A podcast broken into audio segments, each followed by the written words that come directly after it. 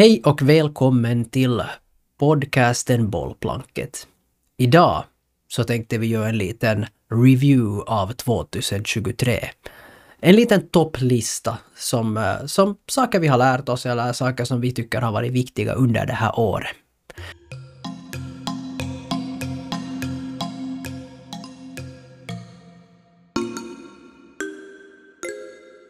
Hejsan och välkommen till Bollplanket. Hej Benjamin!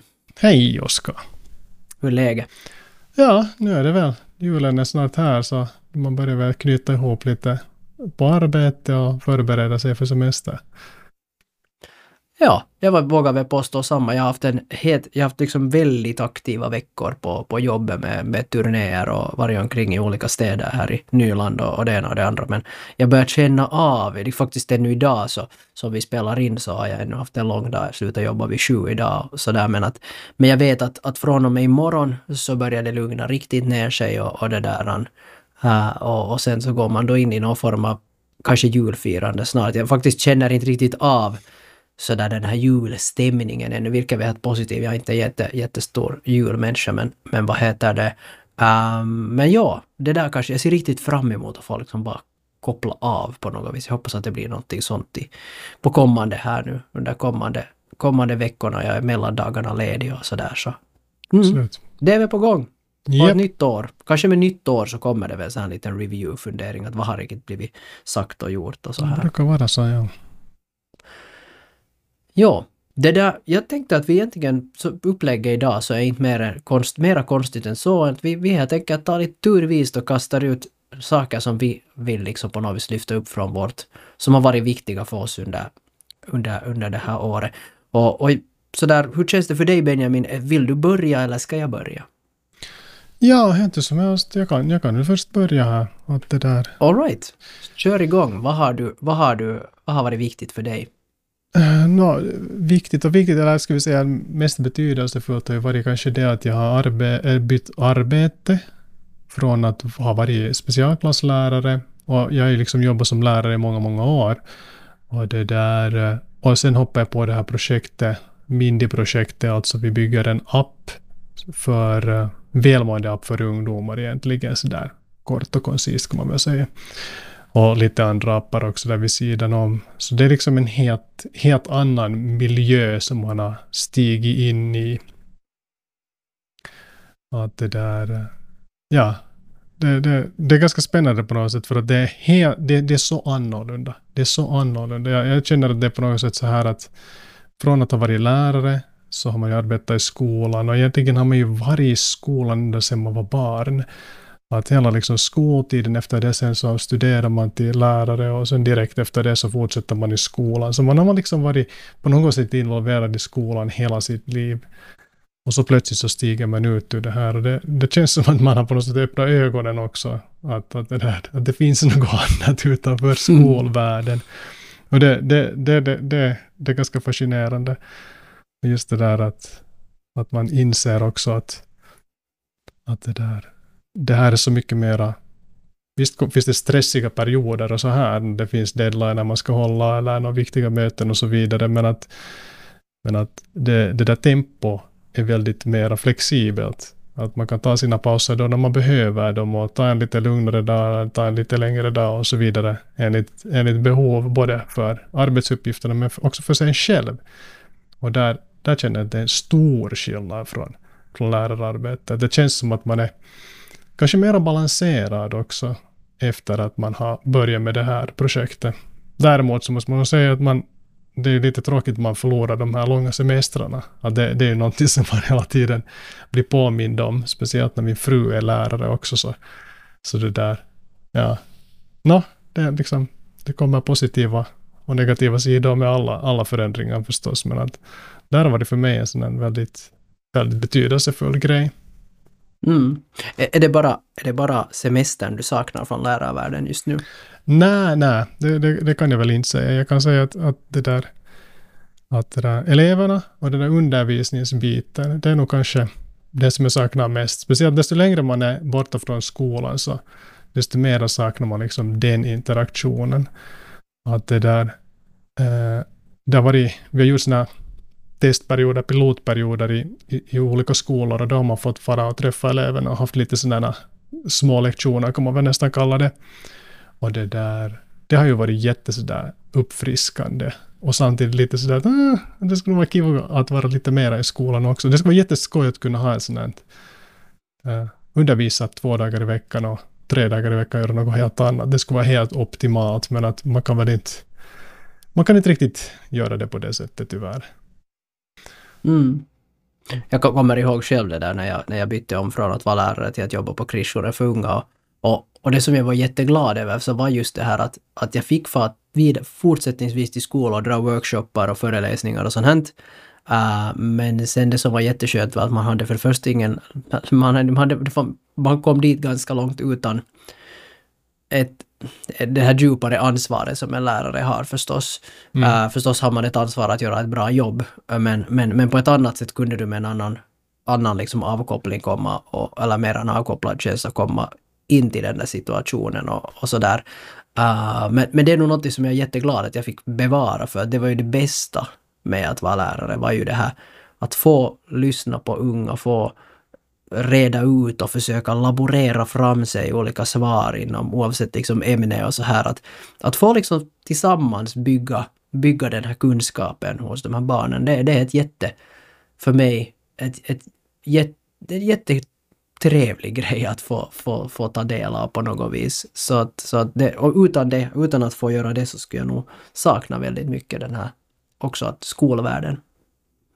Ja. Ja, Ja, det är sant. Skönt att slippa det där ansvaret just framförallt med läroplaner och bedömningar och sen mycket av det här innehållet kanske i, i undervisningen är kanske sånt som det, det mesta är liksom förstås ganska bra tycker jag nog, men att det finns sådana saker som man känner att oh, det, här, det här är inte riktigt min grej, jag tycker att vi skulle kunna satsa på något viktigare. Men, men det har varit jättevärdefullt just att vara i skolan nu när man har fått göra liksom, diskutera och undervisa i sådana saker som man verkligen tycker att det är viktigt, liksom välmående och sånt här. Så att, att, att det, det, det skulle vara supernice att göra mer och sånt. Men av den här, hela av den här grejen, så när man märkte att man liksom på något sätt öppnade ögonen för olika möjligheter, så har jag ju också det där lite sådär smått starta starta lite andra projekt, just sådana distansundervisningsmöjligheter, att man erbjuder privatundervisning och sånt och hoppas på att få det att rulla nu här i, i början av det här följande året. Att, sådana grejer, det skulle vara kul att kunna kombinera just den här undervisningen lite sådär vid sidan om. Men det där, ja, många sådana här mm. grejer har, har liksom väckts i och med den här processen. Så på, kanske om, om, om vi gör det här då om ett år igen, så då då ska vi kolla att hur har det gått med det här eh, ja. företagsidén som du har på gång och, och sånt. Att, att, att det är något som du lite liksom siktar in på till, till kommande år.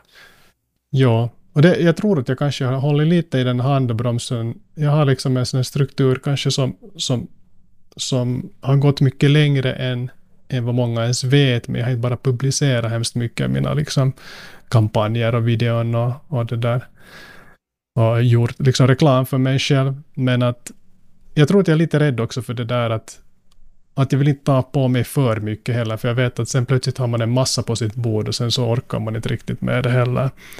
Att det där, jag vet inte, sitta en liten balans där också.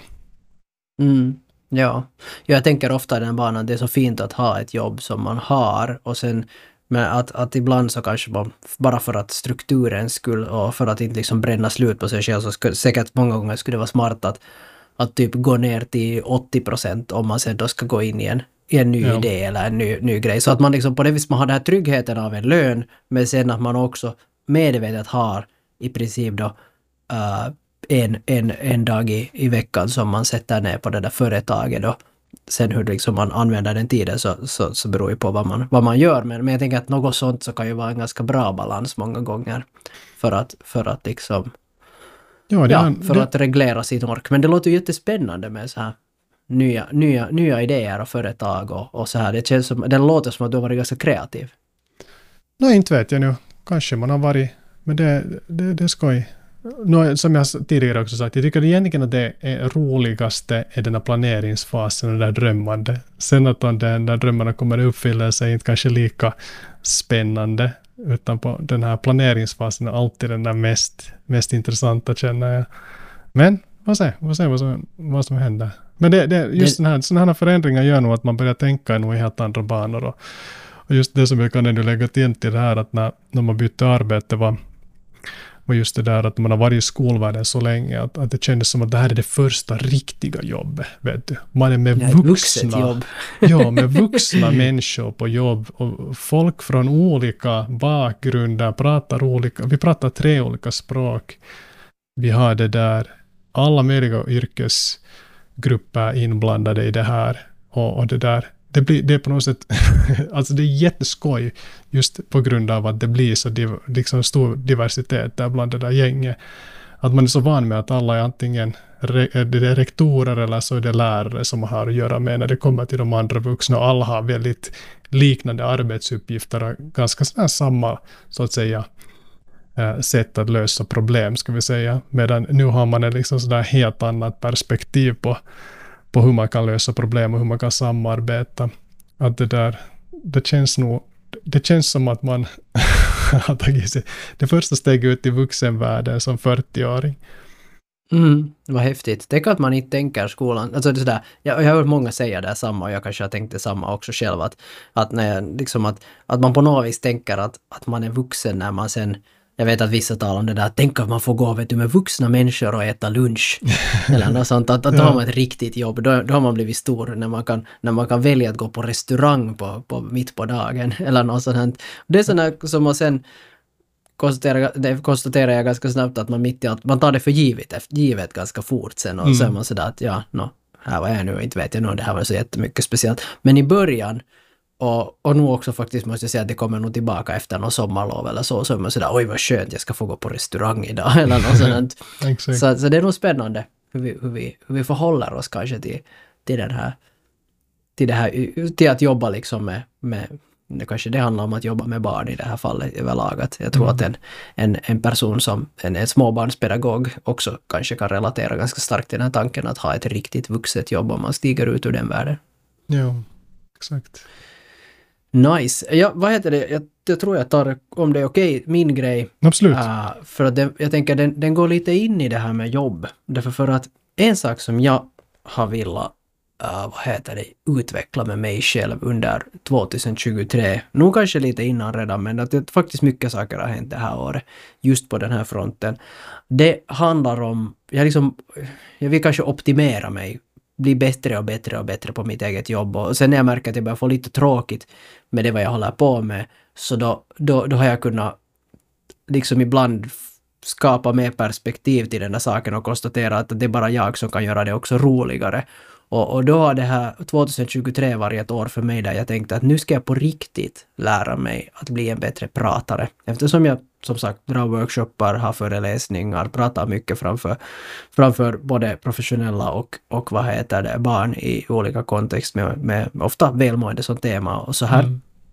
Och det där, så vad jag gjorde var att, att jag ville bli en bättre pratare. Så jag började förstås, för det första, no, Youtube det är alltid min go-to till allting egentligen. Så lära mig via Youtube så här få, börja följa sådana här liksom retorikexperter och, och, och vad heter det. Och sen faktiskt så nämnde jag på jobbet om det här också, så vi faktiskt haft någon utbildning också till, till så här röstanvändning.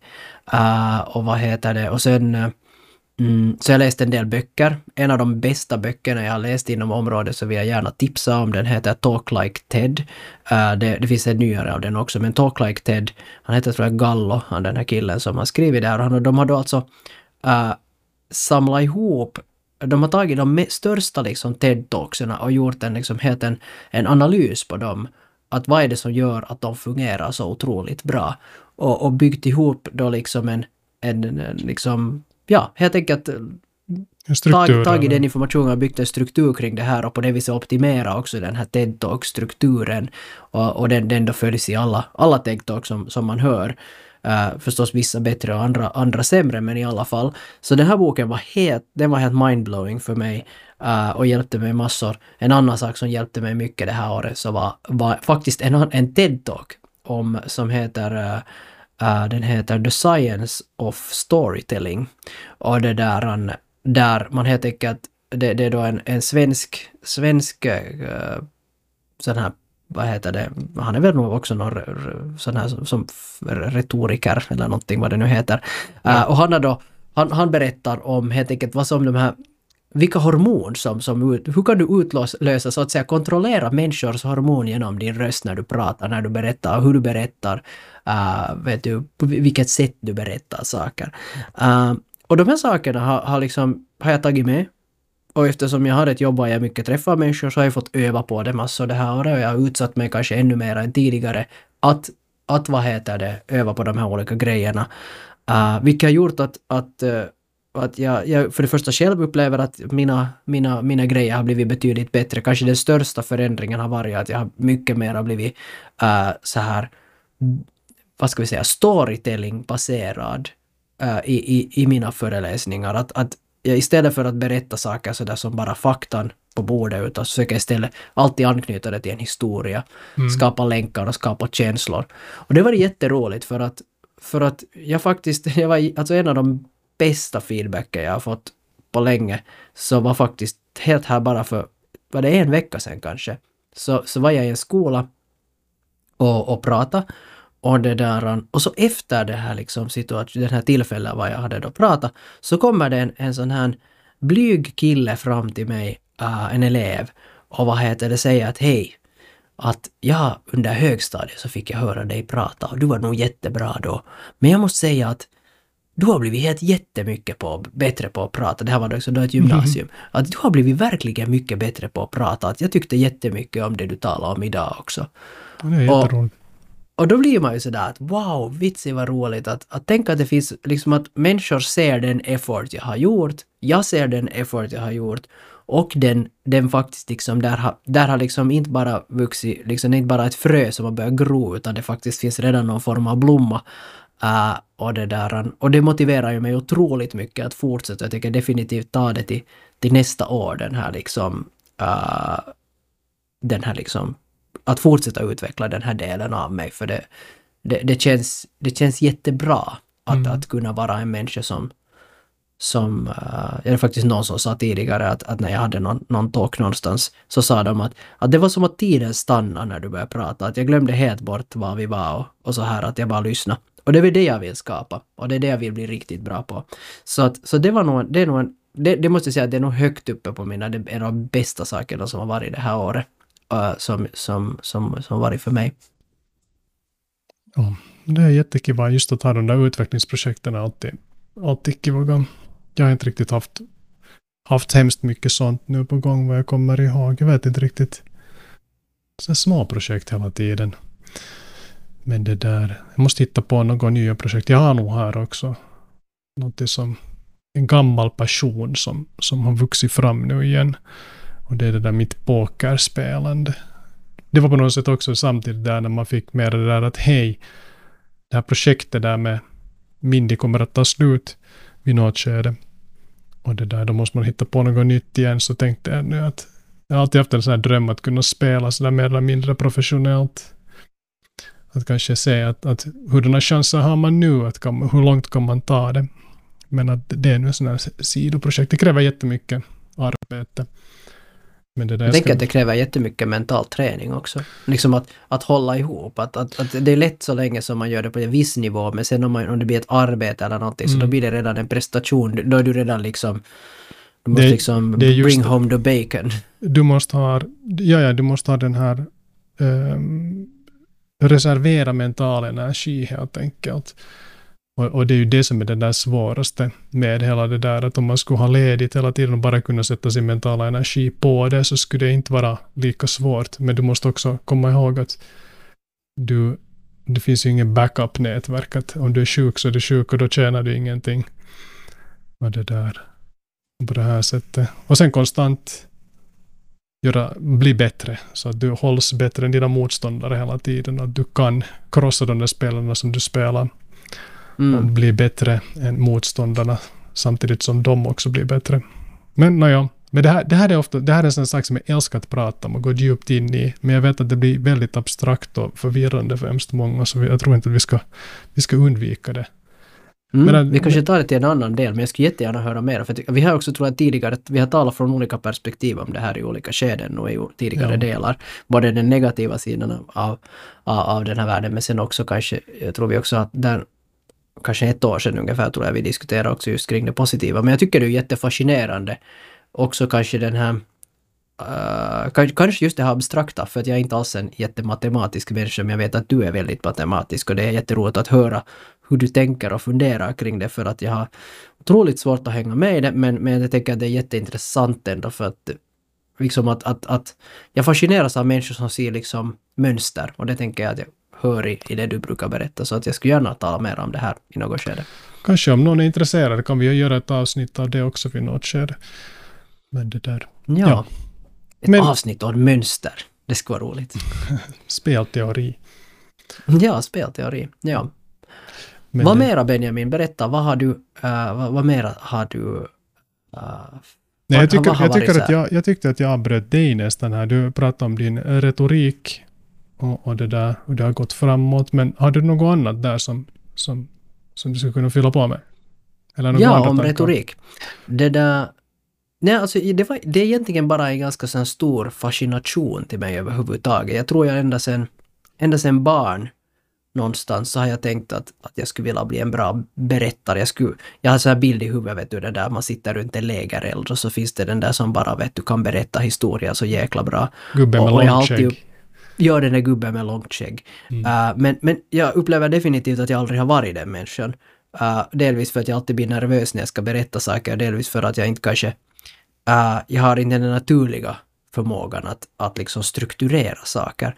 Och, och genom det här, att öva, genom, genom, genom det här, det hela det så, så kanske så, så märker jag att jag kommer mycket närmare det. Och sen har jag en kollega som håller på att envisas om att jag borde också by- jag borde göra en, en stand-up-rutin. Att, att, att det, min kollega skulle genast komma och lyssna ifall jag skulle ha ett uppträdande med en stand-up-rutin. Kanske det är nästa steg. Kanske jag borde Oj, ta min vits. retorik till stand-up-nivå. Jag är med, jag är med och arbetar på det. Ja, Stand-up är något som jag älskar. Det är något som jag har dy- dy- dykt djupt in i faktiskt det här året. Alltså, på något sätt den här fascinationen av hur de där människorna kan bygga upp de här storyna. Och det har ju vä- väldigt mycket med retorik nog att göra och Helt. med, med timing och, början till slut, och, ja. och, och det där. Men också att den där substansen ska vara så pass liksom fiffigt liksom konstruerad att det blir roligt. Det är, någon, det, är Ja. no, det är något vi borde göra tillsammans. Eller liksom utforska tillsammans. Det, det tycker jag definitivt. Det skulle vara jätteroligt faktiskt. Och, och jag, faktiskt jag, jag upplever alltså inte själv att jag är en rolig människa och därför så tyckte jag det var så jättelångt borta från mig. Men, men eftersom min då kollega håller på att envisas om att jag borde göra det för att, för att jag tydligen är kul. Men jag tycker inte att jag är kul på det viset. Så det där, så har det ändå sådär av någon orsak blivit ett litet frö och jag har faktiskt själv också liksom varit och lyssnat på st- olika stand-up-grejer det här året. Mm. Och, och, jag har, och, och sen har jag börjat faktiskt också försöka förstå den här strukturen för att skapa, skapa roligt content och skapa content och, och, rolig, och, och att skapa äh, kontext också för att saker ska bli roliga. Mm. Inte bara det vad man säger utan också den där, eller ska säga inte bara den där själva det där som vi skrattar åt, utan också hur bygger vi upp det så att det blir en sån här att i det här formatet så är det okej att skratta åt det här. Jag tänker till exempel just på de här komikerna som, äh, som, som går på linjen av att vad är okej att säga och vad är inte okej och hur kan du skapa en, en, en plats som, som, som ändå känns trygg även om, även om du, är, du, är, du är väldigt på djupa vatten. Så Mm. det, definitivt, Kans- kanske det, det, blir någonting att fundera till för min del till nästa år. Att, att, att kommer jag våga göra en stand-up-rutin? För att det känns jättesvårt och tungt. Och det känns stort för mig liksom. Även om jag skulle jättegärna vara bra på det så, så vet jag inte om jag är helt, helt, helt bekväm med den tanken ännu heller. Jag tycker vi Jag ska börja en YouTube-kanal som heter Det här är roligt. Och så gör vi så Ja. jättefantastiska... Ja, oj, herregud. Ja. Ja. Det, det, som ett projekt skulle det vara roligt. Jag misstänker att det inte skulle bli någonting. Åtminstone från min sida skulle det inte bli absolut någonting. Men det som, Som projekt. process så är det Ja. jättenice. Och Men att just att inte göra vet det jag om det skulle bli roligt inte. Men bolla de där tankarna tillsammans. Jag kan vara, om, om du sätter som mål att göra en stand-up-rutin 2024 så jag, jag är gärna vid din sida och, Ja. och stöder Jag hade faktiskt en, jag hittade och kom i misstag faktiskt en, en, en grej Uh, här för någon vecka sedan också. Jag var i en diskussion och sen började jag bara spinna vidare på en, vad jag tog någonting väldigt nor normalt och satt in det i något helt fel liksom uh, kontext. Jag kommer inte ihåg vad det var för grej. Och så konstaterade jag bara att det här blev ju helt jätteroligt. Vi satt liksom, jag, jag bara pratade den där jotton igenom och sen började folk skratta en massa åt det. Och det där... Uh, och jag har redan glömt vad det var. Jag borde ju skriva ner det. Men jag konstaterade att det här var ju på riktigt en, ett bra exempel på hur det skulle kunna fungera egentligen. Att, att det var något väldigt vardagligt med, med, med, med en krydda av någonting väldigt, vet du, att så här skulle inte någonsin en människa göra. Mm. Uh, och det där, eller det var liksom då den här karaktären, liksom den här antagonisten i storyn, så var, så var helt liksom off. Ja. Uh, och, och, och, det där, och det gjorde att det blev en sån absurd twist på någonting väldigt vardagligt. Och det var jättekul. Jag, jag var helt sådär att hej, det här var första gången jag upplevde att jag skapade någonting som var roligt. Sådär. Ja. Från fantasin, ska vi säga. Uh, så att Kanske, kanske jag måste göra det. Kanske jag måste börja skriva ner när jag kommer på roliga grejer för att lära mig att förstå vad jag själv tycker är kul överhuvudtaget. Och sen så kommer jag till dig och sen så får du hjälpa mig att, att liksom att, eh, att föra, föra det vidare på något vis eller, eller hjälpa mig vidare i, i min utveckling av, av den grejen, kanske. Jag tror, att, jag tror att det finns mycket att lära sig där. Speciellt alltså de, när man lyssnar på den här storyn av, av stand-up-komiker, att hur, hur de har kommit fram eller kommit upp i sin karriär, så de, de, de, de allra flesta har ju misslyckats alldeles fatalt och gjort bort sig otroligt mycket framför hundratals människor. Och det här är ju någonting som man borde uppleva. Tänk nu liksom att helt och hållet, liksom, vad heter det, bomma ja. framför en publik. Man måste ju bli så mycket starkare av det på något sätt.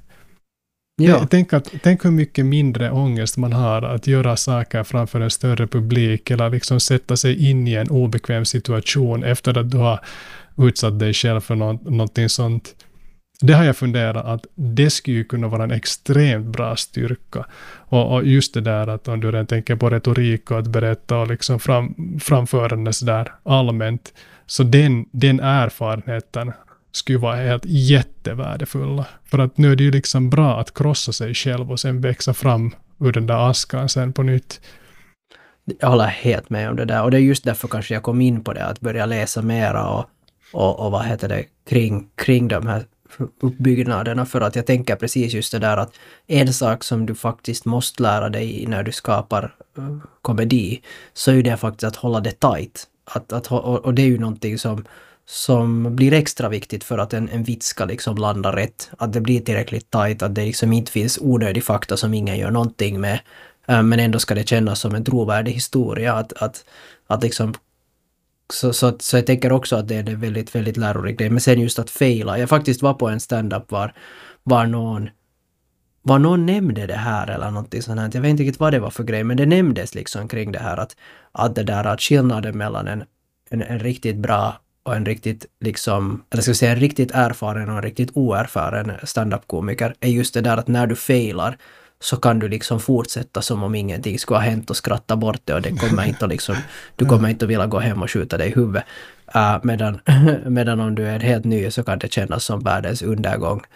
Uh, när, när, när du liksom droppar en vits och så folk bara tittar på dig sådär, vad i hela skogen säger du? Uh, mm. Så, så att ja, definitivt. Våga, våga fejla. Det är ju helt viktigt. Ja. Mm. Har du några andra saker som du skulle vilja lyfta upp ännu gällande det här, mm. det här året? Mm, det här året måste jag säga att en av de eh, häftigaste utmaningarna jag har gjort, och det handlar väl jättemycket om att, att våga fejla. Det handlar om att, att jag har varit på diverse olika utflykter. Vi börjar året, uh, eller vi börjar kanske inte året med, ja, vi börjar väl kanske lite året med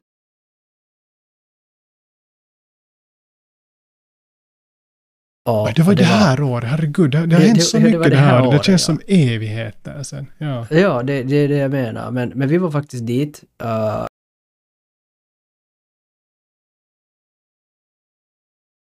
resa, men, men jag hade den bästa resan liksom någonsin förra, förra, förra sportlovet upp till Lappland med, med, med, med din familj. Och, och jag kände liksom faktiskt att hur, hur skönt